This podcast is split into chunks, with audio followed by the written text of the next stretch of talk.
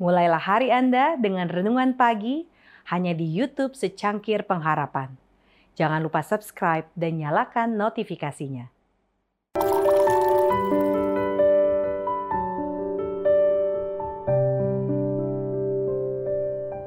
Shalom pemirsa, secangkir pengharapan untuk mengawali hari ini.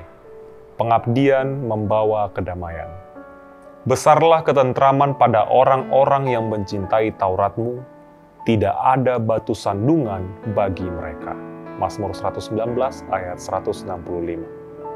Semakin sedikit kelembutan dan kerendahan hati Kristus yang dimiliki oleh manusia dalam roh dan karakternya, semakin dia melihat ketidaksempurnaan dalam metodenya sendiri dan ketidaksempurnaan dalam metode orang lain. Tidak ada yang lebih dibutuhkan dalam pekerjaan selain hasil praktis dari persekutuan dengan Tuhan. Kita harus menunjukkan dengan kehidupan sehari-hari kita bahwa kita memiliki damai dan ketenangan di dalam Tuhan. Kedamaian di hati akan terpancar di wajahnya itu akan memiliki kekuatan persuasif kepada suaranya.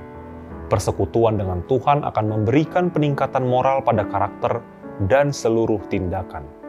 Manusia akan mengenal tentang kita sebagai murid yang telah bersama-sama dengan Yesus. Damai Kristus lahir dari kebenaran. Damai itu selaras dengan Allah. Dunia ini berseteru dengan hukum Allah. Orang berdosa berseteru dengan Khaliknya, dan sebagai akibatnya mereka saling bermusuhan satu dengan yang lain. Tetapi penulis Mazmur berkata, Besarlah ketentraman pada orang-orang yang mencintai Tauratmu, tidak ada batu sandungan bagi mereka.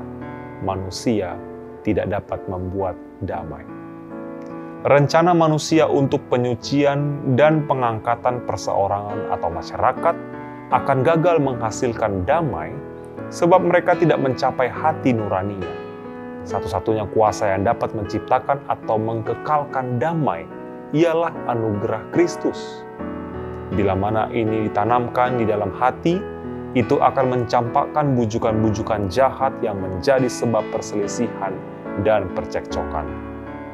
Sebagai ganti semak duri akan tumbuh pohon sanobar, dan sebagai ganti kecubung akan tumbuh pohon murat dan padang gurun dan padang kering akan bergirang. Padang belantara akan bersorak-sorak dan berbunga seperti bunga mawar. Demikianlah renungan kita hari ini. Selalu mulai harimu dengan secangkir pengharapan.